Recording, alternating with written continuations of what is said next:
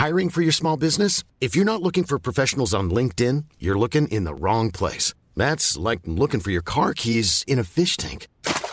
LinkedIn helps you hire professionals you can't find anywhere else, even those who aren't actively searching for a new job but might be open to the perfect role. In a given month, over 70% of LinkedIn users don't even visit other leading job sites. So start looking in the right place. With LinkedIn, you can hire professionals like a professional. Post your free job on linkedin.com slash people today. Nu kommer attack ifrån Sugarcane Hanover som går mycket, mycket fort tycker jag. Det är så fort så jag tror att Kallit kan få svårighet att svara. Sugarcane Hanover vänder ut och in på fältet. Startbilen är i rörelse till Svensk Travderby 1987. What the horse, what the driver, nummer ett McLobel och John D. Campbell. Maharaja la Suède, Maharaja s'est retrouvé, le retour, le comeback de Maharaja le 17. vid något tillfälle att jag trodde att det var en av de bästa hästar jag hade tränat för det tolkades på olika vis. Jag behöver inte misstolka det längre för det här är den bästa häst jag har kört och tränat någon gång. Barenne, me gusta, me gusta, me gusta! Un classico, no problem! Barenne, facile! Tisdag och Trottosports podcast och det är ju inte vilken vecka som helst. Det är ju... Ska vi ta det med en gång? Eh, reda ut. Är det det största loppet man kan vinna i Sverige? Tycker ni det? Är det der- derbyt eller derbyt trodde jag vi skulle reda ut, men det gjorde vi förra året va? Ja, det får vi. Alltså många tycker att det, det är det finaste och största. eh, Och man brukar hänvisa till att varje häst får en chans i, om man ska jämföra med Elitloppet. Man kan få en, två, tre, fyra, fem eller sju chanser som Sante eller hur det var. Ja, just det. Eh, travsportens blå band, det, det borde väl vara det finaste som finns att vinna då. Det var det långa svaret, men ditt svar är alltså ja. Nej, Nej. Magnus? Ja, men jag tycker, jag tycker det kröner de här tre säsongerna som en, en kull har på något sätt innan de, innan de är vuxna och flygfärdiga och ska ut och tävla mot alla andra. På något sätt. Det är liksom examen ändå plus att det är, det är ju något speciellt ändå. Vi återkommer väl till alla de här, inte till samtliga uttagningslopp, men just den här tisdagen och, och hela det här. Det är, det är ju den uttagningsdag som ändå är den mest speciella också tycker jag. Eh, Så att, nej, jag tycker nog att det är så. Att det är det. Jag svarar ja på din fråga. Och jag eh, håller mig... ja, det behöver inte svara. Vi vet vad du tycker. Jag håller mig mer föredömligt kort och säger bara ja. Jag skulle nog kunna hålla med lite grann. Eh, Vilket skulle du säga, vilket, om du säger nog nej, vilket är Nej men det, alltså, eh, det är möjligt att jag har missuppfattat frågan. Men vilket lopp vill du helst vinna? Mm, ja, okej. Och då skulle du vilja vinna? Storchampionatet. Självklart. Det var ju också väldigt oväntat. Ja, varför frågar du då? Nej, okej, jag kan hålla med om det. Det kanske är det finaste. Travsportens blå band. Bara en sån sak. Vi återkommer lite senare i detta 130, vad det nu är, nionde avsnitt tror jag, om derbyt såklart. Ska vi börja dock med eh, den heta potatisen som har varit, jag vet inte hur het den är, den, det, det, det har varit, hållit på så länge nu så att det den börjar svalna. svalnar och man, till och med vi börjar tröttna. Den hade ju kunnat varit oerhört het om man hade varit lite mer öppen med den här förhandlingen som pågick förra veckan, eller förhand- förhandlingsdagarna. Det blev ju... Det det fanns poäng. inget att berätta om, helt enkelt. Nej, Framförallt om, om eh, de som gärna vill kalla sig travsportens eh, stora tidning hade på något sätt bevakat det här. Och eh, så att vi hade fått lite information och lite tyckande. Mycket tyckande. Från travronden. Men där är det ju. Ja, det låter ju som de har gått och satt dasklocket över det här. Ja, så, så vi har fått luska själva, så kan man väl säga. Eh, vad har vi, och vad har vi fått fram? Ja, Det är till att börja med ju Göran Wahlman då som företräder eh, STs talan. Eh, och eh, jag vet inte vad, det, om det pekar i någon riktning. Det har ju hänt att han har förlorat mål. ja. Men förr eller senare så vinner de ett mål. Ja, tror vi det nu då? Nej, det är ju omöjligt att veta. Jag har ju förstått att ST försöker att eh, krypa ur sitt ansvar i den här sorg, sorgliga historien genom att eller skylla över sina misstag skulle jag vilja säga. Genom att skylla de misstag som har gjorts på en före detta medarbetare, en, en pålitlig tjänsteman som var ansedd för hennes eh, kunskap och moral och som, som gick bort för några år sedan. Eh, det är denna kvinna man nu försöker skjuta över ansvaret på och eh, det säger en hel del tycker jag. Det är ju um, inte helt nya uppgifter att uh, hon var involverad men, men, eller inblandad. Uh, däremot är det ju nytt att de så tydligt vill skylla på henne.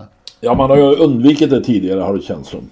Man, man har hört, läst mellan raderna att, att man försöker eh, har försökt att, att gå i den riktningen men nu tydligen under de här förhandlingarna så har man mer tydligt eh, tagit ställning, sagt ifrån. Och detta trots då att eh, det är ju på eh, importcertifikaten och avelspapperna eh, är eh, Christian Olssons namnteckning. Hur eh, går detta ihop undrar man ju då kanske. Ja det känns ju, nej jag har när jag fick veta, ni sa det strax innan vi tryckte på inspelningsknappen och jag blev tyst då, jag blir tyst nu. Jag, jag tycker det är så olustigt bara. Det är så olustigt att, att välja en sån taktik. Lyfta fram en person som inte kan försvara sig och... Den som har satt namnet på pappret och godkänt det är väl den som har ansvaret, det yttersta ansvaret. Tagit alltså, beslutet. Är man dessutom då, det är inte bara det att namnteckningen står där, hon är ju chef för import och avel. Det är, liksom. ja. det är ju så det fungerar i alla andra sammanhang. Har man skrivit under ett papper får man ju ta ansvaret. Det vet ju alla som har tagit ett lån eller vad det än må vara för någonting. Du skrev ju på, det är bara så. Det spelar ingen roll vad du säger, det står ditt namn. Det borde väl gälla även här då? Ja, olustigt verkligen. Um, kan, kan SD vinna? Ja, alltså juridiska spörsmål i alla sammanhang eh, är svårt att eh, sia om tycker jag. Är, man tror saker hit och tror saker dit. Men eh, det är inte alltid det går som man tror. Juridiken är svår. Dessutom när det då är transportens egen domstol representanter för ST som ska döma. Ja, man får ju hoppas att de här två nyinkomna juristerna får det här på rätt köl. Men det är ju uppenbart att det är ST-representanter eller i alla fall som representanter för travsporten som finns i den här nämnden då. Mm. Och skulle då, ehm, ja, det går väl vidare i alla fall om SD skulle vinna så går det såklart vidare till överdomstolen. Ja, det kan ju aldrig stanna där som sagt. Det skulle ju vara, ja, det, det är klart, nej, det stannar inte där och jag försöker, nu när man inte får vara med, man får ju inte ta del av någonting så man kan ju inte ens gissa, men det, det just när man ska försöka fundera på vad är det de, vad är det de ska ta ställning till då? Det är att Propulsion, skulle han ha fått tävla eller inte tävla? Är det det man ska ta ställning till? Och det, det är ju eller, eller vems felet är att han fick tävla fast han inte skulle ha fått. Alltså det, jag tycker inte att problemskrivningen är alldeles jättegiven, men den kanske står på, på förhandlingspapperna. Dessutom, eh, vad säger det att man skyller eh, på en enskild person eh, på det här sättet? Ja men det är väl ganska tydligt att de är väldigt, väldigt rädda för att förlora detta. Ja, det, det, säger väl att de har gjort fel? Ja, det, absolut. Och att man nu inser att vi måste hitta en utväg. Annars förlorar vi det här. Och de har uppenbart kommit till det stadiet att de det blir lite, ba, lite bakvänt. Att man skyller ja. på någon och... och är Vi gjorde fel men tyvärr men, så ja, finns inte den som gjorde fel i livet längre. Så det, det ska ju inte skyddas det från ansvar. Nej, det spelar ju ingen roll kan jag ju inte se. Det är ju fortfarande så att man är ju tjänsteman, tjänsteman på SD, om det nu må vara så då. Jag tycker fortfarande det är olustigt att prata på det sättet, men vi säger det är ju fortfarande ST. Man kan ju inte peka ut en enskild medarbetare och lyfta ur den personen ur sammanhanget i sådana fall. Det blir ju väldigt märkligt. Nej, det känns som det här har kantrat. Ja, det visste vi sedan tidigare. Ja, en månad som sagt ska det ta innan vi får eh, beskedet. Så då är vi väl ja, tre och en halv vecka bort då kanske. Innan domen kommer. Ja, du nämnde travonden här. Ja, det, alltså, det, jag vet inte vad man ska börja och sluta med då. Är det så, hur har den bevakat det här? Från, från början? Inte alls. Inte alls alltså. Eh, det är alltså som så att jag vet att de till och med har censurerat en artikel som var skriven i kritisk anda mot eh, hur Svensk Travsport har skött det här. Och eh, ifrågasättande helt enkelt. Och den kom alltså inte ut i, i tryck. Obehagligt. Ja, det ställs ju, jag vet ju ända sedan, ända sen jag var liten och läste travronden för första gången och minns den här kritiken som ju på något sätt alltid har funnits mot att det är då, dåvarande STC, att det var ett organ för STC då och så vidare och att, man, att det fanns en problematik i det. Men på något sätt lyckades man, jag tror vi har pratat om det tidigare, det var Bo Fransson, eh, Red Mile, och att de lyckades ändå hålla en, en, en journalistisk linje ändå. Eh, jag kan inte påstå att jag kan allt i sak där, men när vi nu kommit till just den här händelsen så har det ju verkligen ställt sig på sin spets där ST blir ena parten i en riktigt knepig fråga. Då är det alldeles uppenbart att det inte har fungerat att vara en oberoende journalistisk aktör här. Det, det finns det ju ingen som kan försöka påstå ens. Jag vet ju vänner jag har ju vänner till mig som, som var med på ett möte där eh, den nuvarande vdn ju helt enkelt eh, tystade eller beslutade sig för att tysta Lars G Dahlgrens blogg till exempel. Eh, så det är ju, jag vet inte. Det är lite skamset travande tycker jag. Hur ofta har de ett eget gräv? Ja, det är, alltså sådana här svåra frågor klarar jag inte just. Nej, förlåt. Nej, och det är ju just, det, det, nej, just i det här fall. fallet är det ju ändå, det, det, det, går ju inte att komma ifrån eh, skulle jag jobba på travronden skulle jag tycka det var oerhört jobbigt att få, få den här frågan. Vad har ni skrivit och varför har ni inte skrivit så mycket om, eller någonting om Propulsion? Jag, jag skulle tycka det var en mycket jobbig fråga att få. Men uppenbart finns det ju det som har skrivits men det har inte nått läsarna. Ja, nej. Det är lite sorgligt faktiskt.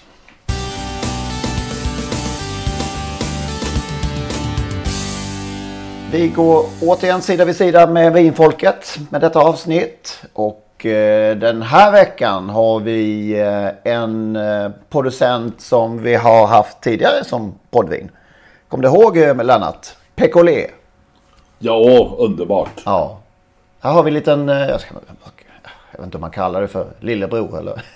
En, lillebror. en kollega till eh, Pecolé. Kallat apvinet i folkmun. Mm. Det är nämligen en apa på etiketten. Tillsammans det känner jag igen. Ja, några ballonger också. Från något krogbesök någonstans. Just det. En druvblandning på allt det goda Frankrike, Medelhavet och Vin de Pay kan samla. Syrah, Grenache, Cainan och Alicante samsas här och ger ett bistrovin för såväl grillning som pasta eller eh, allt vad det kan vara. Det är som en Volvo som alltid startar. Så benämns detta vin. och eh, som sagt, producenten heter Lucien Tramier. Vingården grundades 1912 när denne Tramier bestämde sig för att plantera sina första vinstockar i byn Chancouré. Chancouré, kan det vara det? I, Rån, i Råndalen. Som sagt, samma producent som ett tidigare poddvin eh, som heter Pecolé. Och detta vin går på faktiskt oförskämt prisvärda 135 kronor. Och ni hittar som vanligt veckans poddvin i annonsen på trottosport.nu. Det var Dans Derby i uh, helgen. Ja, den fantastiska Sten Hjul. Ja, vad är han, 71? Ja, han är 71. Och? Vann med Festival of Speed som är obesegrad i 12 starter. Dessutom var hans Frodo Cash med Thomas Urberg tvåa. Så att, eh, ja, det är helt otroligt egentligen. Eh, och inför eh, mycket folk på Lunden. Som vanligt. Ja, ja, alltså, även om det inte var lika mycket som det brukar kanske. 5000 tyckte jag var i dessa pandemitider. Pandemin kanske är över i Danmark, jag har ingen riktig koll. De har ju beslutat i alla fall, men det är inte nu, eh, att från mitten på månaden så är det, då är det ju över i Danmark. Alla restriktioner är bort. Det här var Juls tionde derbyseger. Ja, som kusk. Och sen har han, tror jag, någon tränare, ytterligare någon tränarseger ja, dessutom. Björn Goop vann ju för några år sedan med någon julhäst. Men om man tittar på svenska kuskar, vem är den Alltså födda säger då, kuskar. Vem är då den äldste? Det vet du Magnus. Ja, det var ju målfoto. Det var, som vi kommer fram till i alla fall så är det ju två nordinare som slåss och det är Gunnar Nordin som eh, vinner med... Nej, förlåt, Sören. Nu blev det sådär. Sören som vinner med ett år. Han har, Sören var till och med nästan 63. Han var, hade två dagar kvar till han skulle fylla 63 när han vann med Mustard där och eh, hans broder Gunnar var 61 när han vann med Opal H. Som är den mest överlägsna vinnaren om jag minns rätt, Opal H.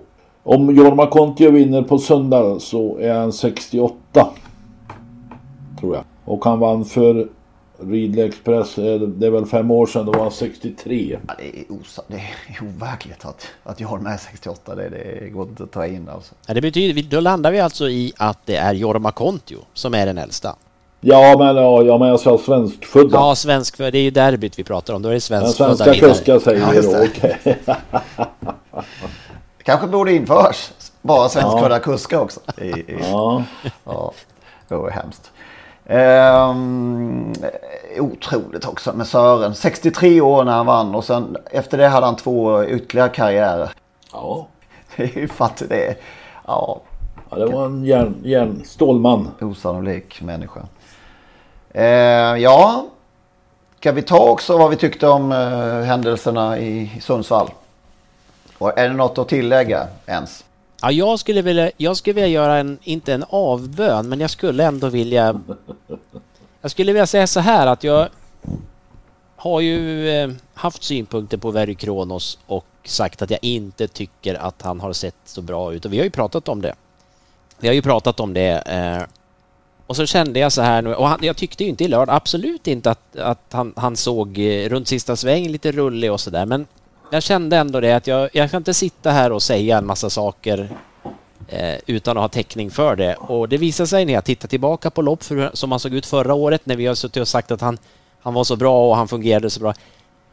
Det är bra marginellt han är sämre i sådana fall i år rent aktionsmässigt för han har aldrig varit riktigt klockren. Det var väl att man kanske blev så glad över, vi pratade ju om det, att han började gå felfritt så man tyckte det var bra nog liksom. Men han har aldrig varit klockren så jag, jag jag måste nog backa lite där ändå. Eh, jag, jag gör det. Jag tycker det är lite fånigt att sitta och hålla på och peta och säga att ja, han ser fortfarande inte bra ut. Nej, han ser nog ut så där. Och nu fick han äntligen vinna ett lopp också. Dessutom på ja, hemmaplan. Årets första seger. Ja, visst. Men borde, som det blev, borde han inte knatat undan lite enklare ändå? Nu, nu, nu gnäller jag igen. Ja, det var... Ja, är det hårt? Knatat. Det finns väl ingen som, som, inga krav att man ska vinna med två eller tre eller fyra längder bara för en miljon i första present. Nej. Han har ju inte vunnit så. Nu ska jag, jag inte vet. säga något. Han tittade ut i banan och där kom Hoso. Det gäller bara att hålla undan för den. Och så var det väl Espricisius som utmanade istället. Men nej, det var... Det var han var bäst bäst, men han fick bra lopp. Var bäst den dagen, så är det. Han ja, brukar inte ja. vinna med några mil. Han är ju inte som Etan Royal som har kutat ifrån dem från början och sen vunnit med 50-60 meter utan det... Nej, alla säger att han var värd en seger så vi får väl hålla med då. Han har ja, ju en jäkla verkligen. skalle hästen, det är ju så det är. Han, han, eh, när det inte blir något strul för honom så vill han ju gärna sätta huvudet först. Det, det är ju ingen tvekan om att det är så. Vänta, tror du han kommer passa på eh, kolstubben, Magnus? Ja, jag har ju blivit lite expert på det. Många som, hästägare som har hört av sig och frågat, skicka video på sina hästar. Kan du kolla? Ja, ja nej, jag ska, jag ska aldrig mer prata om kolstubb. Nej, förlåt, jag kunde inte hålla med det. Apropå gamlingar. Melander, Gunnar Melander. Mm. Ett nytt SMT, jag vet inte vilket det var i ordningen. Det är ganska många och det är par i Monté också. Ja, det är i alla fall över eh, runt dussinet. Ja, det är mer. Jag tror det är 16, 17 Men runt i det. Alltså det, Gunnar överraskade lite. Tycker jag i lördags genom att trycka på direkt från start. Eh, öppna ja, för att få position och för att få överta ledningen tidigt. Det, han hade bestämt sig, det här är mitt lopp, punkt slut. Ja, i Sverige har han ju helt enkelt inget, inget Nej, Sen tror jag han led lite trots allt när han passerade mållinjen att sonen Mikael hade galopperat, när Meldebodin galopperade i rygg på honom. Ja, just det. 300 kvar. Jag såg en läcker, jag tittade lite efter, jag såg en läcker Vitruvio. Ta revansch i, i, i Monteloppet där.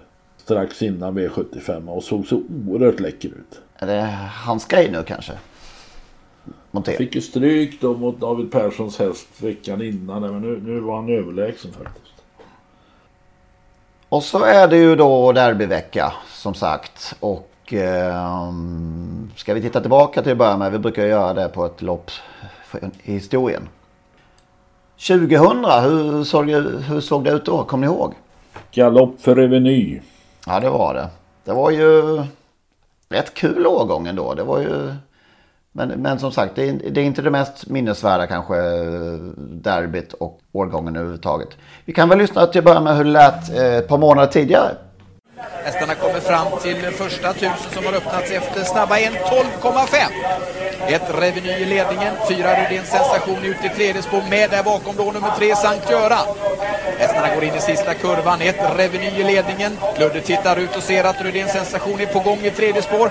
Där är väl dock Sankt Göran som åker med perfekt där bakom i eh, rygg på Rydéns sensation. Där bakom finns också Express Lavec. Ett Reveny leder in på upploppet men ser tagen ut nu när nummer fyra Rydéns sensation kommer upp på utsidan. Och längst ut kommer då Stig och Johansson med nummer tre Sankt Göran. Rydéns sensation och Jorma Kontio har tagit över. Men här kommer favoriten Sankt Göran och Stig och Johansson att närma sig. Men han har ännu inte fått slag på Rydéns sensation. Fortfarande har Rydén sensationen en till godo. Sankt Göran närmar sig mycket för sista biten och det blir hårt i mål. Det blir stenhårt i mål men jag undrar om inte det var nummer fyra Rydéns sensation och Jorma Kontio som höll undan. Sprintermästaren med Mats Ahlqvist vi, vi satt eh, mikrofonen. Det kändes lite konstigt. Ja, just det. Det var på den tiden ja. Det Ja. Travet har hoppat här, hit och dit. Vi har satt. Det lät som att... Det hade man ju glömt. Att det fanns Mm. Ja, trav verkligen. där också. Var väl på femman något, eller Nordic eh, eller Ja, vad det visst. Var det nog Oh, ja. Travet har varit nästan överallt. Sankt Göran han alltså inte fram till seger här i Sprintermästaren. Rydéns sensation höll undan. Men ett par månader senare så gjorde ju Stig H slag i saken. Minst i detta lopp. Det finns inte på att få tag på någonstans. Men jag tror att jag har lite minnesbild över det. Att det var ett jädra slagfält första varvet. Raggarlopp. Ja, lite så. George Verbeck körde ju till exempel Kom Karat och Sim Sippe var ju med och öppnade nio första fem och 12 första varvet. Det är ju, det var ju snabbt på den tiden. För 20, drygt 20 år sedan. Sen när de hade formerat sig och, och eh, lugnat ner sig så körde Stig och Johansson fram inför slutrundan. Som så många gånger förr utvändigt ledaren och reglerade motståndet. Vann ju ganska enkelt till slut. Eh, på 15 och 1, det var ju bra på den tiden. Bara två tiondelar från Victor Tilly året innan. Sankt Göran. Eh, ingen derbyvinnare man drar fram sådär i, i rockärmen i första taget. Nej, faktiskt inte. Men den här hästen sprang in över 6 miljoner kronor. Dexter Frontland var tvåa, kom Karat trea. Simsippe tröttnade sensation helt. som vann Sprintermästaren var ju då sexa. Mm. Så var någon Cantare spelade till tillhörde favoriterna. Sim Sipper gjorde bort sig. Ja, han blev ju trött till slut. Ja, Efter han blev trött ja. Ja. Cantare, Skogans Olof. Alltså, Sankt Göran gjorde inte så många starter efter derby tror jag. Alltså gick han, alltså han gjorde några till för Stig och sen gick han till Lars-Åke Söderholm. Där han avslutade karriären, vann ett lopp. Eh, eh, men totalt 46 starter bara och 22 segrar. Alltså han var, utav de där 46 starterna så var han 35 på plats. 36 till och med. Inte illa för att vara en bortglömd derbyvinnare. Nej, han var, fick en del avkommor sen också. Den bästa, ja. Saint Claude, Afrodite Run, Hughes, Sankt Gerda. Eh, det var väl inga jättestjärnor. Han fick 84 avkommor. Han eh, var nog inte jättedyr. Nej. Ägdes av Göran och Maj-Britt Johansson. Sankt Göran alltså. Ja. Ja, god häst på något vis. Eh, ja. Vinner man 22 lopp av, av, vad sa vi, 22 lopp av 46. lite runt eh, framsteg va? Ja, definitivt skulle jag säga. Inte så lite heller. Han var ganska, Nej. Han var ganska ru- rund om steget. Det, var, det kan man nog säga. Långt ifrån Mm. eh, Captain Corey som vi har pratat om. Ja, det kan man säga. Det, Kan- det var betydligt rundare. Dess, dess mot, eh, mot polen.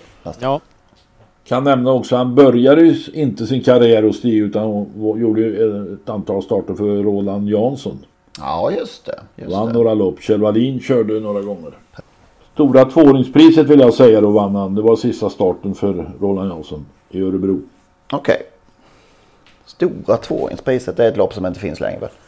Nej, det har väl blivit svampen kanske. Ja. På tal om det. Jägersro har haft svårt att fylla loppen på, i, till helgen. Jag vet inte hur glest det var i många av dem. Fyra startande i tvååringsloppet. Nej, Jo. det som händer. Ja, jag vet. Ser det inte ofta ut, mer och mer ut så här i tvååringsloppen? Ska vi... Jo, det tror jag. Det, det kan man nog säga att det är färre och färre som startar. Vad, är det, vad beror detta på? Ja, men du ser väl hur man nu, alltså de här som matchar mot de stora loppen, de gör ju ett fåtal starter. Innan Mm. kriteriet, innan derbyt och sådär. Man har väl kommit på det. Att det går jättebra för de hästarna. Det är ant, antingen det då eller att, man, att det trots allt är för, få, för lite pengar totalt i tvååringssporten så att man, det är inte värt det. Nej, så är det ju kanske. Ska man inte lägga ner det helt då, eller på säga? Varför slösar de här, de här pengarna? Eller, jag vet inte. Slösa pengar, det gör man ju på så mycket annat. Så kan man väl göra det på tvååringslopp också. Ja, kanske. Men, men vem, vem blir glad av de här fyra hästarsloppen? Nej, det är klart ingen vill ha, men det finns ju ett uppföljningslöpning och svampen som vi pratar om och så vidare. Va? Det finns ju, för de som har tidiga hästar finns det ju pengar att tjäna där. Stora pengar. Ja, tråkigt ändå utveckling att det är så. Ser ut Du vill ha mer tvååringslopp? Antingen eller. På något vis. Så att man bestämmer sig. Nu är det varken hackat eller malet på något vis.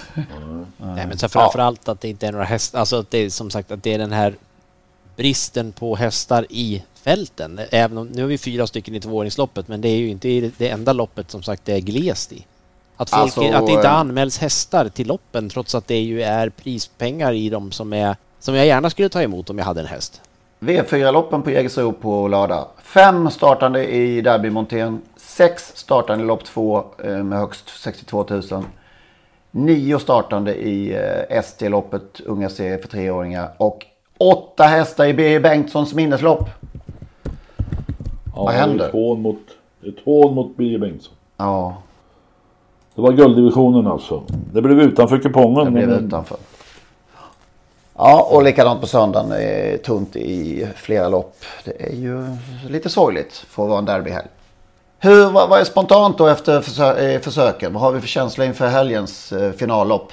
Ska vi börja med derbyt? Men det har pratats om att det kanske är det bästa derbyt. Det är svårt att jämföra årgångar men det är klart att bredden av toppen är nog eh, större än, eh, än eh, någon gång förut.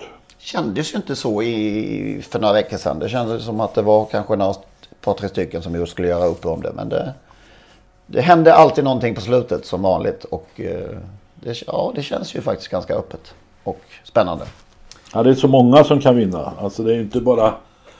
Det har ju varit många bra derbyn. Mac the Knife mot, mot Big Spender och sådär. va. Det var ju två stjärnor. Men här är ju fyra, fem, sex stjärnor kanske. Det, det är intressant, det är, det är bara två hästar i finalfältet som har gjort 20 starter eller mer.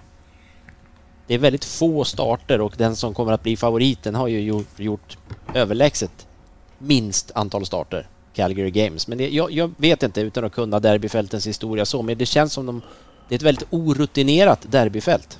Det blir, har ju gått mer och mer åt det hållet Ja, precis. eh, senaste åren. Och, och, eh, som vi har varit inne på.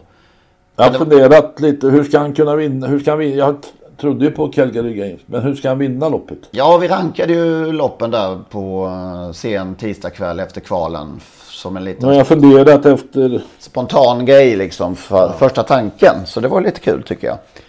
Men hur ska han vinna loppet? Är det någon som kan berätta det för mig? Ja, hur ska vem vinna loppet? Hur, vem, vem vinner? Nej men hur ska... Han är ju eftersom han är favorit. Ja, Hur ska han vinna loppet? På vilket sätt? ja säg väl andra utvändigt och på 700 kvar då. Ja, okej. Nej, jag vet inte. Det, det, Eller är han så bra så att Jorma bara styr fram i döden så vinner därifrån? ja, det, vet, det, är- ja, det är ju en spännande fråga. Vet vi vem som tar ledningen? Nej, det gör vi. Det gör, det, någon kanske vet det. Jag vågar nog inte säga, man kan ju ana vilka som kommer att försöka, men det är ju en helt annan eh, fråga. Eh, men visst, alltså det är ju... När man tittade på de här um, uttagningsloppen så så var det ju... Och sen kom lottningen och sen gjorde vi vår ranking där då. Det, det var ju inte jättelätt. Det, på något sätt blev det ju självklart tror jag att vi alla satte Calgary Games etta därför att eh, det är ju en, det är en makalöst fin häst som inte har förlorat. Eh, och det är svårt att säga att nej, men här rankar jag bara honom fyra. Det, nej, det, kändes ju väldigt svårt. Men, men jag som, som vurmar inte så lite faktiskt för eh, Nor Timo Normos Henry Flyer Sisu till exempel. Han, det var ju inte förrän efteråt jag tittade, även om man inte ska stirra sig blind på tider, det gör jag ju verkligen inte, men, men, men intrycket när man såg loppen, det var ju att Calgary Games, han, han vann ju så lekande lätt och så vidare, men, men Henry Flyer Sisu vann ju också lekande lätt eh, på en tid som var ja, lika bra som, som, eller till och med bättre, en, en, en tiondel bättre än eh, Calgary Games. Så det, var, det var lätt när Calgary Games vann, men det var inte speciellt svårt när Henry Flyer Sisu vann heller. Och som han har sett ut på, på slutet här, jag, ja, alltså, han är ju jättegynnad av den här distansen alltså. Jag har ju hela tiden sen lottningen var klar gått omkring och trott att ah, Önas prins tar ju ledningen ganska enkelt. Han är oerhört stark. Men när, eftersom Örjan ändå valde spår 1 med Brämling så är jag ganska säker på att han är övertygad om att han håller ledningen. Jag måste ändå eh, ta upp på spår att, um, jag skrev lite om det, vad, vad, vad hände där i, i spårlottningen? Det är ingen annan som har uppmärksammat här och uh, det är helt, verkar helt oviktigt. Uh, Chirou fick ju um, bollen före Calgary Games men uh, sattes alltså på ett bakspår, spår 9. Och så fick då Calgary Games som Timo Nurmos själv äger, till skillnad från Chiro, eh, spår 5. Nurmos, ja just det. Va, va, eh, va, han kanske vill ha, alltså jag ska inte säga jag tyckte som du, eh, han kanske vill ha spår 9 med Chiro. Han är ju inte så startsnabb säger de som förstår det. Jag får bara eh, läsa eh, vad, vad, han skrev i Travronden i eh, maj månad. Travronden vill inte att jag ska skriva om vilka dåliga spår mina hästar får varje gång. Men det är bara fakta och alla kan gå in och kolla själva. Det är väldigt tråkigt, bla bla bla. På lördag i Umeå har alla sex hästarna som är med i Autostart för dåliga spår, bakspår. Han verkar inte gilla bakspår normalt. Men, men, alltså, men, nej, nu, travronden vill inte att jag, att jag ska skriva att jag får dåliga spår. Ja, där har vi det också. Va? Ja. Tusan. Men, men, men, alltså, över, jag har sagt det hundra gånger tidigare, jag säger det. Det här spårlottningssystemet är fullständigt åt skogen. Det är så lättjefullt. De står där och... Nej, alltså, liksom- man kan inte göra så att, att vissa tränare bara för att de har kvalat in två eller tre hästar har en fördel mot de andra tränarna när det gäller spårlottning. De sitter och trycker på tre bollar och ser eh, hur de ska placera dem. Va? Medan de andra tränarna eller kuskar vilka nu har en boll då. Alltså man måste hitta ett system som är eh, rätt, rättssäkert skulle jag vilja säga. Och jag har pratat med med flera arrangörer om detta. Ja, men du har rätt säger de. Men ändå gör man inget åt det. Ja, hur, hur ska man göra? Hur man ska göra? Mm. Ja, det är inte mitt, mitt, mitt uppdrag att säga. Nej, nej det, det är sant. Det har du rätt i. Men eh, alltså man, en boll i taget. En boll i taget. Arrangören drar. Mm. Här är din boll. Ja, Eh, spår 9, det är alltså en vinnare därifrån sedan 1995 när Goldest Gold vann. Och sen har det, efter det har det varit en. Spår 5 har man vunnit eh, fem gånger de senaste 14 åren. Så det är lite skillnad statistiskt. 9 är ett eh, i derbysammanhang iskallt spår. Jag räknar med när det gäller spårlottning att Robert Karlsson började i måndags. Att han inom snar framtid kommer med en vettig idé så att man kan ta spårlottningen på allvar och att den blir så rättvis som möjligt. Tänk att Chiro vinner nu från spår 9 då. Ja det kan lösa sig fantastiskt såklart men, men det, det, i derbysammanhang brukar det inte göra det. det Fjärde det... utvändigt. Eller det, man vet ju inte hur Goop agerar från start. Det är ingen som tror att han laddar för fullt för då riskerar väl han någon brasa. Mm. Det, det, är så många som är, känner sig kallade i ett derby och de kommer utifrån där och det brukar bli lite positionsväxlingar första varvet. Så sitter man med nummer nio sjätte ut. Ja, längre bak har vi inte att komma. Nej. Ja, vi får se. Märkligt var det. Märkligt var det. Vem vinner? Ska vi peka ut en varsin? Nu när vi har fått tänka lite mer. Då blir det tyst. Ja, men jag, jag, jag säger, jag har ju varit inne på det tidigare också. Jag säger Henry Flyer Sisu ändå. Jag gillar hur, hur Normos har matchat i, i sprinterlopp och fått upp eh, farten och det såg så väldigt lätt ut även om det var ett billigt uttagningslopp han vann. Men ändå, han var dagssnabbast, eh, delad dagssnabbast i uttagningsloppen där ändå. Jag tror, och långdistans är han så gynnad av, så jag säger Henry Flyer Ceesay. Lite under radarn, men jag tror att det blir Nurmos som vinner med den. Och Mika Foss. Då, kan, då ska vi flika in här. Först ska sägas att Magnus Stålberg har ett eh, totalisatorspel på denna häst. Jag, jag, är alltså jävig här för att jag har spelat, så, ja. spelat till 85 gånger hos spelbolaget ATG. Ja, just det. Det ska ja. vi också. Men vi kan säga att det finns andra spelbolag också. Svenska Spel hade 100 gånger och det missade jag. Det är ju pinsamt. Men oj, oj, oj. 85 ja. får vara okej. Okay. Mm. Och jag har ett litet, eh, för jag tyckte det var vettigt odds inför kvalen på, på Bramling. Men, eh, och då tippar du Bramling nu? Nej, det gör jag inte. Jag tippar Calgary Games ändå. Om den är, om den är vid samma vigör, fräschör i, vigör. i uh, finalen så vinner den. Om den är sämre såklart, då, om den ser sämre ut så. Men det, alltså, jag har aldrig sett en Team Numros häst vara så harmonisk tror jag. Får ah, man säga så? Det är läcker. Otroligt läcker. härlig häst alltså. Efter då Ridley Express som ju vann för, vad sa vi, sex år sedan? Eller någonting. Fem år sedan. Fem år sedan, ja. Hur går det för Lennart då? Har du någon vinnare? Ja, men ja, alltså jag trodde ju också på, på Nörmoshästen här men... Ah, jag, jag, går emot nu mot, mot vad alla tror. Jag tror faktiskt att... Nej, inte mot alla tror. Nej, jag tror San Montör vinner.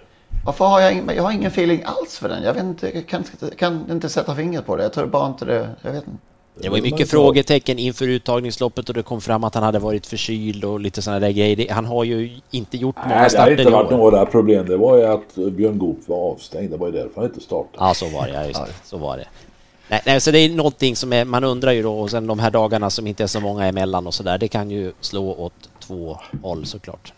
Det kanske blir enkelt, en sprint till ledning och så är det slut. Vad är problemet där? Eh, att eh, om vi bara ska konkretisera. Vilka nackdelar har man om man ändå går ut med att han har haft en liten febersläng? Exakt vilka nackdelar? Eh, varför måste feber man sa han aldrig faktiskt. Nej, ah, förkyld då? Ja. Ja. Men man har mörkat det ganska länge här och, och inte sagt någonting. Nej, jag vet inte vad det ingår Va, i. Vad är liksom... Eh, vad, vad, dramaturgin. Man vad ska, ska hända liksom om, man, om, om det kommer ut? Ja men det är som i hockey där att man aldrig talar om var exakt en spelare är skadad utan det är liksom överkropp eller underkropp för det, man skulle, då skulle man satsa på spelarens svaga punkt. Det är, jag vet inte hur det skulle se ut i travet. Ja, det, där, är, det där är AIK-syndromet ju, över, över eller underkropp. Alltså det, det började som så mycket annat i USA. Ja. Nej, ja, men det, jag vet inte heller. Alla tränare i fotboll vill hålla sina skador så hemliga det går att göra. Men jag menar, det är ju inte så man tänker som sammotör här. Då går de ut och säger att han har varit förkyld. Ja, vad, vad kan hända då? Det är ju inte så att alla de övriga uttagningsloppet kör som dårar mot sammotör. De vill ju fortfarande Nej. gå till final. Och det är klart att ja. sen i en final kan man heller inte göra det. Vi, vi kör på honom för han är nog förmodligen lite märkt av en förkylning. Det, det funkar ju inte så i trav. Då ska man ju ha många hästar och offra någon mot den, den som varit sjuk. Ja, det ska vara så då. Men det, det där ingår så. ju liksom i dramaturgin, den här försköningen, det har vi pratat om så många gånger. Sen är ju, sen är vissa, vissa är ju ärliga alltid. Vissa slirar på sanningen. Och sanningen kommer alltid fram till slut då. Ja, det är det som, det är det som ja, det är oftast det. är grejen. Det är skönt att man har det, man har det kortet kvar att spela och skylla på sen. Ja, om det går åt helsike ja. ja, visst. Men det gick det bra, då, då, då kom det fram. Ja. Vet vi hur det är nu då? Om Calgary Games vinner på söndag, är han den häst som har gjort minst antal starter och vunnit derbyt då? Det blir hans sjunde ja. start i sådana fall och seger. Ja, det är Pato. Pato var nionde. Ja. Uh, ja. Men rädd här att man missar någon, men jag tror inte det. Uh, det måste, man måste gå väldigt långt tillbaka tänker jag. Det är bara Lennart som skulle kunna minnas dem tänker jag. Ja, men de tidiga, ja. de gjorde ju mycket, ja, många visst. fler starter. Det känns ju det inte som att det, ja, de hade gjort 290 starter. Ja, ja ungefär. Nej, det finns ingen. Det kan jag inte tänka mig. Finns det ens någon som har startat med så här forstarter i en final? Det tror inte jag faktiskt. Nej. Om någon annan vet, Trottosport, nej podcast.trottosport.gmail.com som allting annat man kan få dryfta om eh, kring våra avsnitt. Stoupplagan, där blir stoet. Jag noterar att Ulf Olsson som har kört eh, Den är David Perssons häst eh, i alla starter i David Perssons regi, Global Brilliance. Har vunnit tre av, det var fem starter tror jag, tre av fem. Bland annat försöket då. Nu valde bort henne för Hoboken Am. Mm. Eh, och det kan man ju tycka vad man vill om. Så är det ju i den här branschen. Att, att eh, eh lojaliteten är väl inte alltid den som går i första hand. Och, och, eh, och det är klart att med tanke på spårlottning och sådär så, så ansåg väl han att, att Hobokenham hade en, en, en bättre möjlighet att vinna. Men då ska ju hon stå på friska ben också. Och mm. det, jag vet inte, innan vi gjorde den där rankingen så hade vi lite diskussioner under kvällen där. Så vi kom nog fram till gemensamt lite grann att vi är tveksamma till detta. Ja, vi har ju pratat ja. om henne tidigare under året och, och ifrågasatt varför hon överhuvudtaget startade eftersom hon ju var av, av på mitten som man brukar säga. Men alltså som, hon har ju varit långt ifrån startmässig. Nu kom hon ju mm. ut och, och travade ju men samtidigt hon var ju inte kontrollerbar överhuvudtaget. Hon slog Nej, ju var, sitt eget lopp. Eh, det var, eh, vad, jag vet inte vad man ska säga, det var så nipprigt ut. Nipprigt. Ja. ja jag, om man ska tro på, jag tror Hall of, Hall of M äh, vinner det här loppet. Hon ser Ganska klar favorit. Eh, ja, lite överraskande. Ska hon vara det. Ska hon vara det? Ja. Jag vet hur oerhört besviken han var efter storchampionatet Stefan P Pettersson. Men då sa han derbystoet är ett halvvarv kortare, det kommer passa bättre. Och det, det, visst, det kan man ju ana eller förstå. Men som hon såg ut i försöket. Vem ska kunna rå på henne? Det är, om, det är såklart Hanimeras om det skulle klaffa lite från, från åttonde. Alltså. Ja, och så kanske... Det, det står kan ju mellan dem faktiskt. Ja, det, det, är väl just det där med vad som händer om, om Hobokenam nu då travar men beter sig likadant som senast, att det bara finns en växel. Då, eh, mm. en, en ganska pigg Hall of Am dessutom då och få, och få Hobokenam över sig, eller hur det nu kommer att se ut. Det, det känns ju inte som det är fördel för någon av dem i alla fall. Varvet på 09 och 2. Ja, jag, jag, jag, får liksom känslan av att, att både då Hoboken som har två och Hall of Am som har tre, det känns för mig som två inte jätteheta kandidater faktiskt. Jag, jag, jag tror betydligt mer på Hanimeras och jag kommer även att tjata lite grann om Sayonara som jag tycker är som också kan ja, Jag tänkte få, fråga det, finns det någon, eh, eh, någon luring här i, som kan slå till om det? Ja, det är väl som, eh, som eh, som du säger Magnus att Sayonara är ju luringen. Det blir hårt tempo. Hon får ett lopp i ryggen. Hon var ju fantastisk senast alltså. Hon också. Och så är hon oerhört speedig. Så det kan nog vara en luring. Det kanske inte är någon luring. Jo men hon är väl inte jättespelad. Jättestreckad. Det här blir ju kul att se vad Örjan hittar på eh, från, från åttonde spåret när det nu blev ett åttonde spår. Där är det är som sagt, ja. det är Örjan. Han är bra på det mesta och här måste han ju hitta en lösning också. Jo, det, men eh, det är ju, han hade ju dåligt spår i storkamratet och fick eh, vänta med sin speed, eh, gå i rygg där på Erik Adielsson. Men eh, var gynnad av att det var lång distans. Men klart blir det tokkörning här mellan amhästarna. Då eh, kan ju han mera vinna. Och Örjan kör ju inte en millimeter i onödan någonstans under tiden medan de rusade framme så att han har ju han har ju sitt kvar till slut som alltid, det vet vi ju. Men då ska Hoboken funka också. Det kan, ja, det ger sig i värmningen om, om uh, att göra med att göra överhuvudtaget på söndag. Väldigt intressant att följa henne under dagen. Nej, så är det. Så är det. Och du ska dit? Ja, jag är en av uh, de här 600 som uh, kommer in i dagarna två, eller åtminstone. Får se hur det blir med fredagen. Det är alltså bara, det kommer kännas jättekonstigt, 600 personer på ett på svenskt torg där vi även, även om det inte brukar vara någon sagolik publikfest så ja, det blir, det blir märkligt. Det är en sak som är bra med att du är på plats Henrik också, jag tänkte bara säga det. Om vi säger att det ger sig i värmningen Hobokenham. Vi fick aldrig se någon värmning av Hobokenham inför uttagningsloppet så att värmer de inte på banan då får du rapportera och tala om hur det ser ut. Det står ja. där borta på, på rid, vad heter det, slingan där borta. Ja, just det. Du får inte stå bakom det där staketet då Henrik, upp en bit så att du ser. Ja, exakt. exakt. Så får det bli. Vi noterar också faktiskt, eh, det är första gången, jag ställer mig lite frågande här, men eh, kom ut på STs hemsida idag att de har övervakningsstall i en derbyfinal. Jag tror det är första gången. Och det har du frågat efter faktiskt. Ja, jag tyckte det var konstigt. Jag tyckte det var eh, märkligt. Man har övervakningsstall i, i flera av de här storloppen men inte i det lopp där det delas ut mest pengar. Nej, det och eh, kriteriet är de mest penningstinna numera. eh, Med 4 miljoner då till vinnaren om man... Som ju väl alla numera kör premiechansen.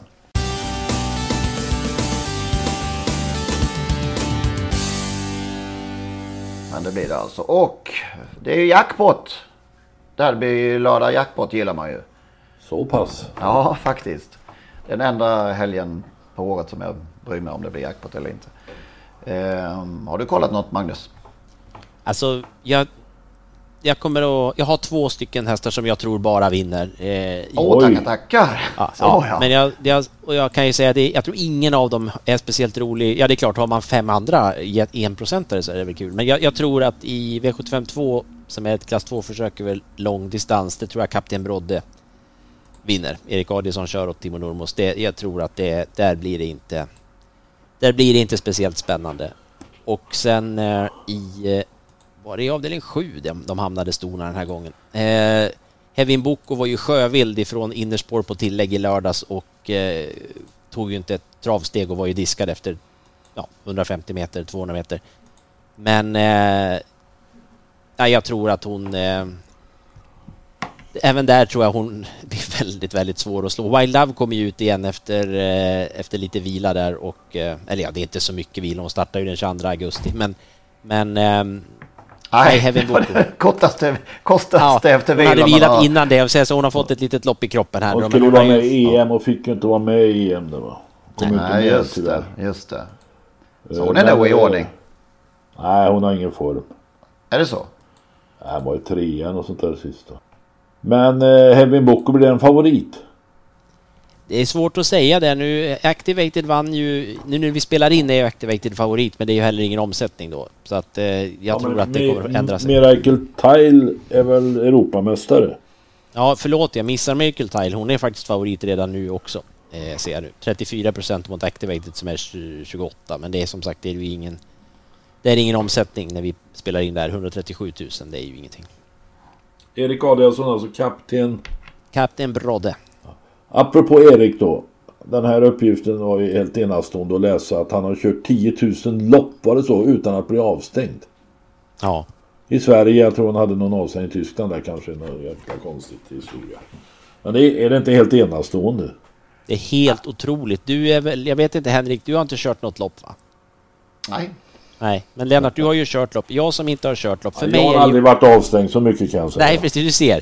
Men, men alltså, det ser kolossalt svårt ut att köra travlopp eh, på många sätt. Men ett är ju att det är så otroligt trångt och smått hela tiden. Och att köra 10 000 lopp utan att göra någonting som föranleder en avstängning. Det, jag, jag kom förmodligen, jag skulle bli ett års avstängning, alltså 12 månader efter mitt första lopp förmodligen.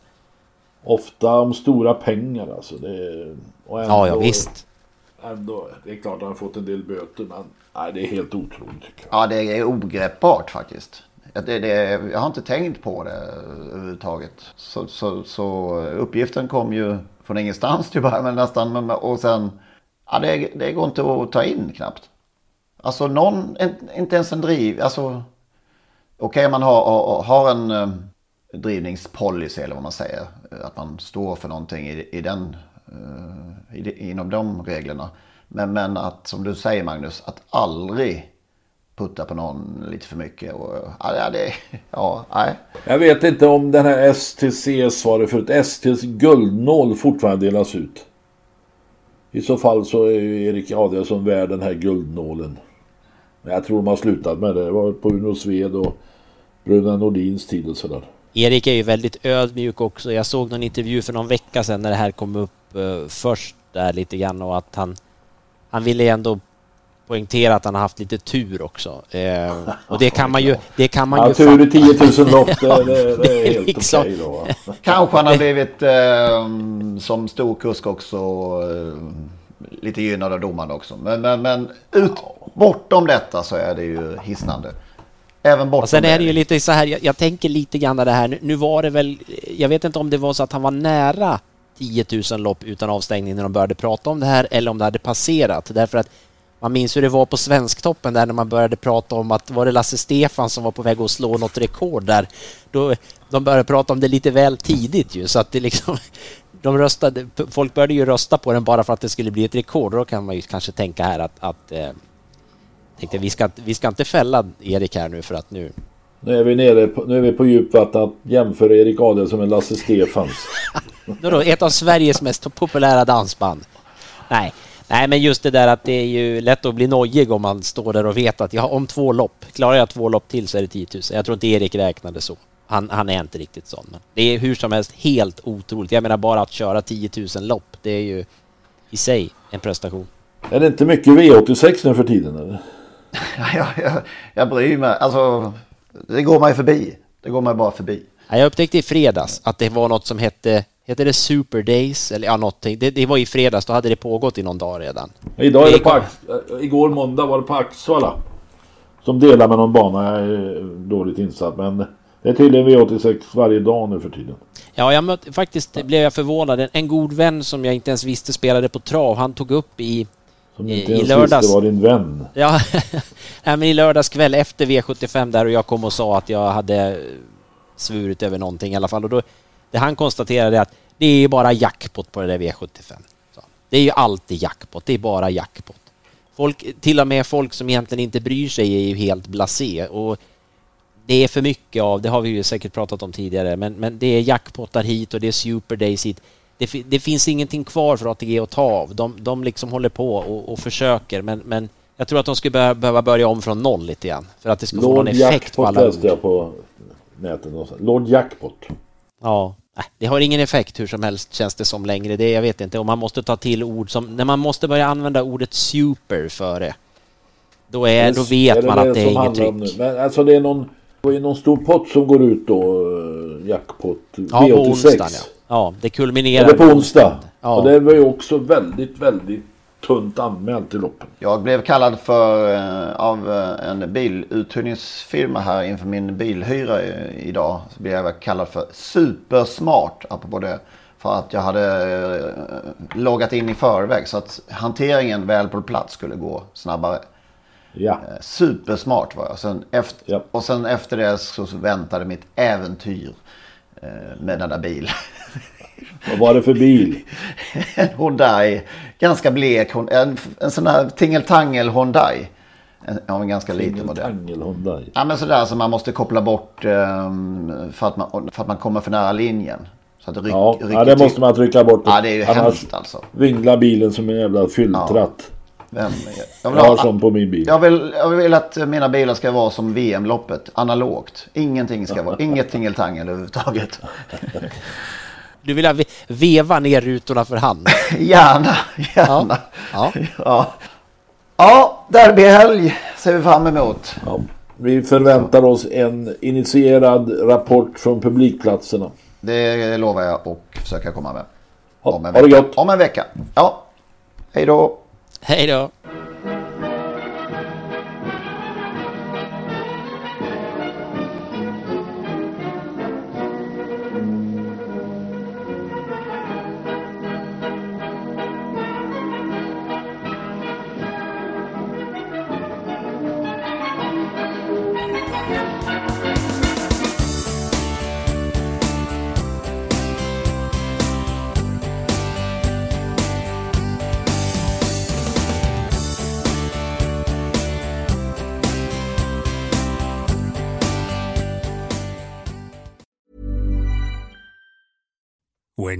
Make decisions for your company, you look for the no-brainers. And if you have a lot of mailing to do, stamps.com is the ultimate no-brainer. It streamlines your processes to make your business more efficient, which makes you less busy.